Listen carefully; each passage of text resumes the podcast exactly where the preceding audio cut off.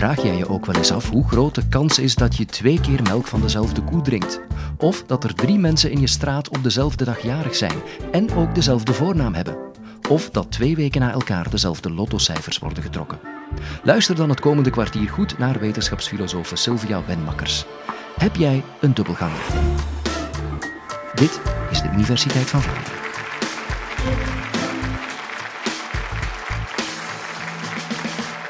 Dit is Marie. Op het scherm verschijnt een tekening van een soort worm die bestaat uit tien segmenten. Elk segment is rood of zwart. Marie wil graag weten of ze een dubbelganger heeft. Er ontbreekt wel wat informatie, want er zijn heel veel mensen op de wereld en dat zijn allemaal kandidaat-dubbelgangers. Gelukkig bestaat er een methode om rationeel om te gaan met onvolledige informatie. Dat is de kansrekening. We gaan het dus hebben over de kans dat Marie een dubbelganger heeft. Laat mij misschien beginnen met een principe over kleine kansen. Ik noem het de wet van de waterkans. En mijn wet zegt, vaak is het zeker dat er iets onwaarschijnlijks zal gebeuren. Dat klinkt misschien een beetje vreemd, dat geef ik toe. Want iets onwaarschijnlijks, daarvan verwachten we normaal dat het niet zal gebeuren. Hoe kan dit dan kloppen? Wel, ik ga het jullie demonstreren. En daarvoor heb ik de hulp nodig van tien mensen op de eerste rij. Jullie hebben vooraf een munt gekregen. Je mag die nu nemen. Ik ga jullie namelijk vragen om die één keer op te gooien, te vangen liefst, en met je duim aan te geven of het kop of munt is geworden. Doen jullie maar. Geef maar aan met de duim, kop of munt. Het is geworden. Munt, kop, munt, kop, munt, kop, munt, kop, munt, munt. Wat vinden jullie daarvan? Een beetje raar. Het is nu geen super enthousiaste reactie. Zouden jullie nog enthousiaster geweest zijn als het nu tien keer kop was geweest? Ja, ja dat hoor ik dan. Ja, dat zouden ze wel leuk vinden. Maar ik vind dat vreemd. Ja, mensen, ik vind dat vreemd. Want de kans op precies deze combinatie in deze volgorde is exact even klein als die op tien keer kop. Kijk, dat zit zo. Als je één keer met een munt gooit, zijn er twee mogelijkheden, kop of munt, allebei met dezelfde kans. Een tweede of 50 procent. Als je twee keer gooit en je houdt rekening met de volgorde, dan zijn de mogelijkheden kop en kop of kop en munt of munt en kop of munt en munt. Vier mogelijkheden, alle vier gelijke kans, een vierde of 25 procent. Als je dan nog eens gooit, drie worpen, dan zijn er acht mogelijkheden, elk met een kans van 1 gedeeld door 8. Dat is 12,5 procent. En zo gaat dat elke keer verder. Elke keer dat je een muntworp toevoegt, verdubbelt het aantal combinaties en halveert de kans per mogelijkheid. Dus als je tien keer gooit, zoals wij deden, dan zijn er al 1024 mogelijke uitkomsten. En die moeten allemaal dezelfde kans hebben, namelijk 1 gedeeld door 1024. Dat is net iets minder dan 0,1 procent. Goed, wat heb ik hier nu tot nu toe aangetoond? Wel, door jullie simpelweg met tien munten te laten gooien, kon ik afdwingen dat er hier iets onwaarschijnlijks moest gebeuren. Ah ja, want alle mogelijke uitkomsten hadden een kleine kans, maar er moest iets gebeuren. Dan komt de wet van de waterkans in actie. En wat heeft dat nu te maken met mijn onderwerp? Wel, we kunnen dat idee ook toepassen op onszelf. Gezien vanuit een perspectief voor wij bestonden, was namelijk de kans dat er dan een mens zou ontstaan met exact die combinatie van eigenschappen die wij nu blijken te hebben, enorm klein. Maar ja, er moest iets gebeuren. Voilà, hier zijn we. De wet van de waterkans. Maar dat was niet de vraag, dat geef ik toe. De vraag ging over dubbelgangers. Dus de vraag is eigenlijk, hoe zit dat nu met de mogelijkheid dat dezelfde combinatie nog eens verschijnt? Ja, we zouden het kunnen eerst vragen over die muntworpen. Wat denken jullie als we nu nog eens allemaal gooien? Kan dat dan exact hetzelfde resultaat zijn als daarnet. Maar we zullen gewoon voor de aardigheid één keer proberen. Dus jullie mogen allemaal nog eens gooien. Nu is eigenlijk vooral de vraag, hebben jullie allemaal hetzelfde als daarnet of niet? Wie heeft niet hetzelfde? Nee, niet hetzelfde. Ik zie een aantal mensen, het is niet gelukt. Dus vanaf dat er eentje anders is, is het niet dezelfde reeks. Het is ons niet gelukt. Nu, je voelt natuurlijk wel aan, het is wel mogelijk, maar de kans daarop is slechts 1 op 1024. Dus ik had erop gerekend dat het niet zou lukken. Dat is normaal. Dat is meestal het geval.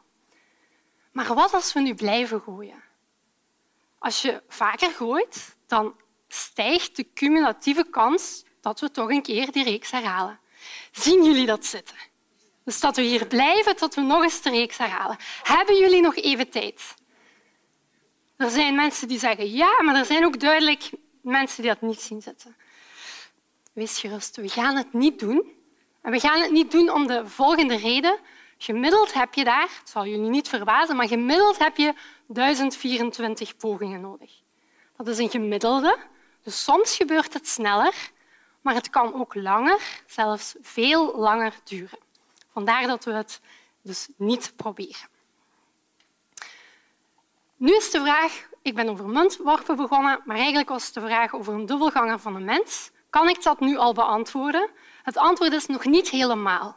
Ik kan de vraag van Marie nog niet beantwoorden, maar wel al iets zeggen tegen Xari. Dit is Xari. Op het scherm verschijnt opnieuw een soort worm.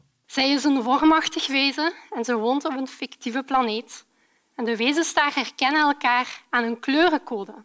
Hun lijf bestaat namelijk uit tien segmenten en elk segment kan onafhankelijk van de andere met 50% kans rood of zwart zijn. Dus we kunnen de samenstelling van Xari vergelijken met een muntworpenreeks van tien. Daar weten we al iets over. Wat is nu de kans dat Xari een dubbelganger heeft? Wel, als ze één ander wormpje tegenkomt, dan is de kans dat dat een dubbelganger is 1 op 1024.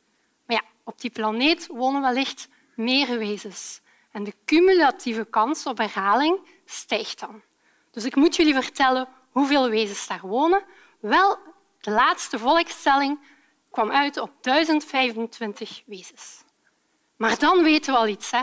Je brein springt naar een conclusie. Er moet daar op die planeet minstens één paar dubbelgangers voorkomen. En in de wiskunde heet die redenering, dat principe, het principe van de duiventel. Het is namelijk zo, als je 1024 hokken hebt, kan je maximaal 1024 duiven alleen in een hok stoppen. Vanaf dat er dan nog eentje bij komt, moet minstens één hok dubbel bezet zijn. De redenering is perfect in orde.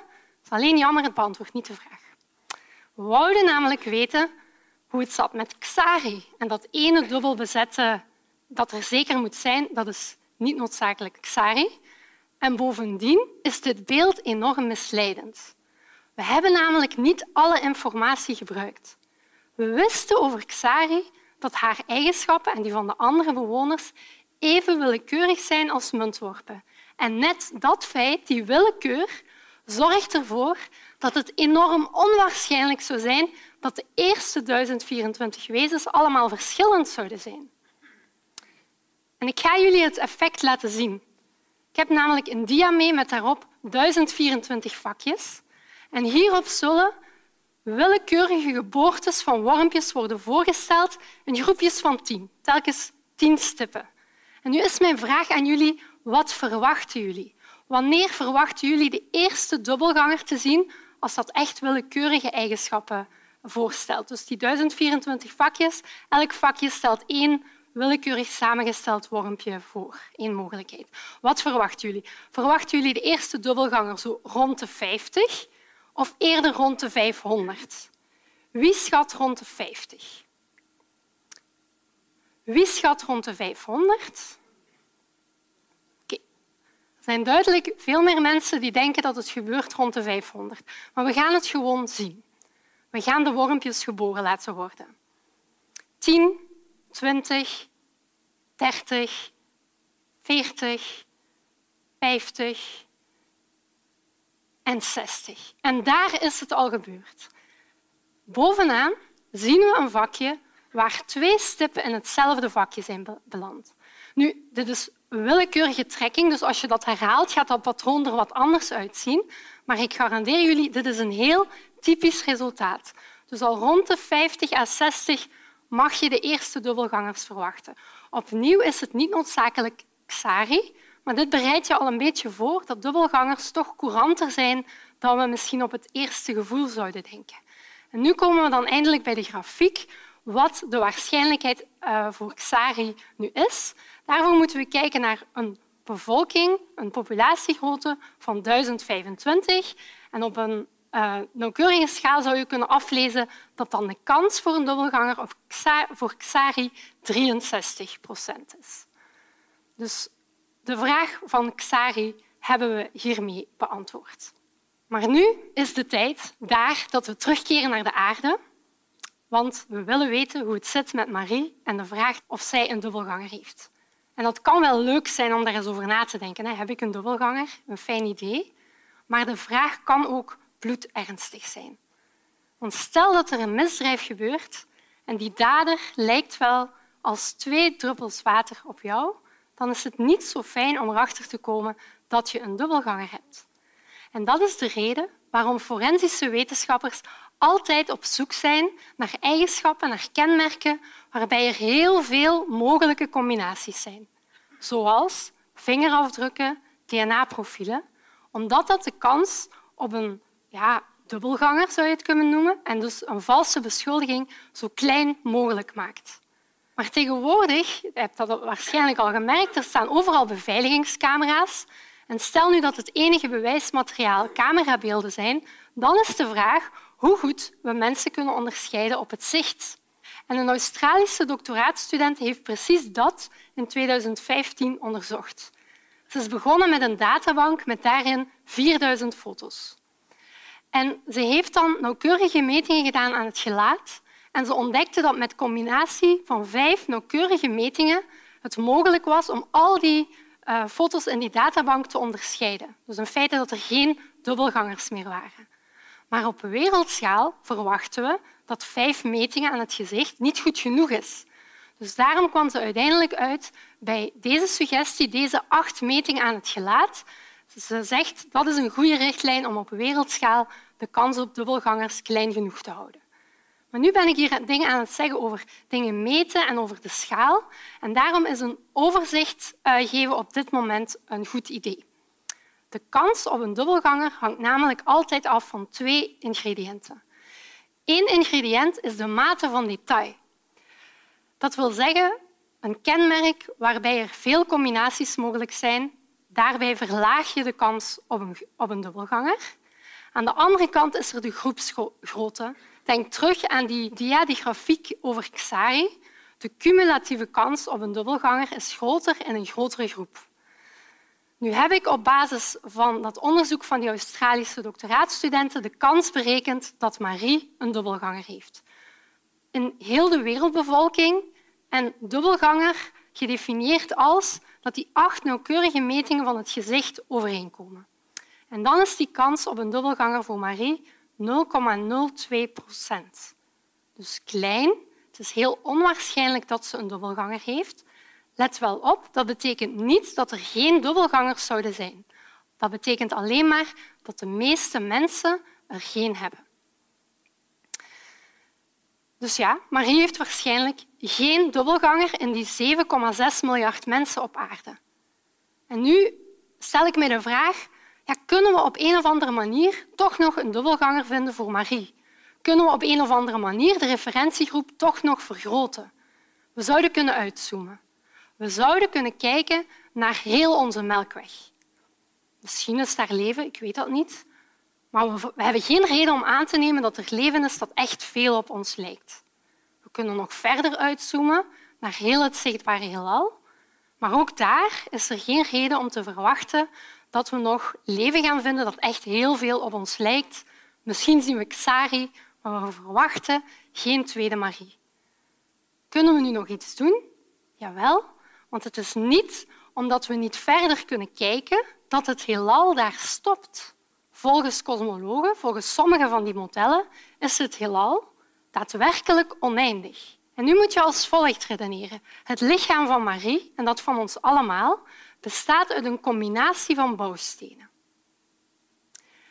En er zijn wel enorm veel combinaties die je kan maken met diezelfde bouwstenen, maar dat is een eindig aantal. En op dit moment moet je terugdenken aan dat duivenhokprincipe. Dat eindige aantal combinaties dat je kan maken met een gegeven aantal bouwstenen, dat zijn de hokjes. Maar in een oneindig heelal zijn er dus ook oneindig veel van die bouwstenen. En op een gegeven moment is het aantal nieuwe combinaties dat je zou kunnen maken gewoonweg op. En moeten er zich patronen beginnen te herhalen. Ook patronen ter grootte van onszelf, met de aarde erbij en onze melkweg en heel het zichtbare heelal. Dus dat brengt mij op het antwoord op de vraag: heb jij een dubbelganger? Mijn voorlopige antwoord aan jullie is hetzelfde als mijn antwoord aan Marie. Op aarde is de kans heel klein. Volgens die definitie van daarnet is de kans op een dubbelganger 0,02 procent.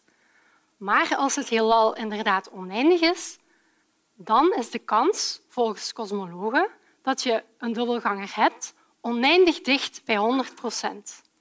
Dus het lijkt alsof er in een oneindig heelal een soort sterkere wet van de waterkant speelt, die zegt dat alle onwaarschijnlijke gebeurtenissen bijna zeker gebeuren. Ik vind dat een straffe conclusie. Maar het is precies op dit punt waar die uiterst kleine kansen gecombineerd worden met het oneindig grote, dat de afstelling van de balans, de weegschaal van daarnet, enorm nauw luistert. En dat is het punt waar ik als wetenschapsfilosoof begin met mijn onderzoek. Wees dus gerust dat ik al mijn aannames voor mijn voorlopige conclusie nu, morgen vroeg, opnieuw in vraag stel. Hoe groot is de kans dat je deze podcast liked, shared of rate? We hopen dat je het de moeite vond en dat die kans dus heel erg groot is. Bedankt alvast. En als je geen enkele aflevering van de Universiteit van Vlaanderen podcast wil missen, dan kan je je abonneren en zo ontvang je alle nieuwe afleveringen automatisch.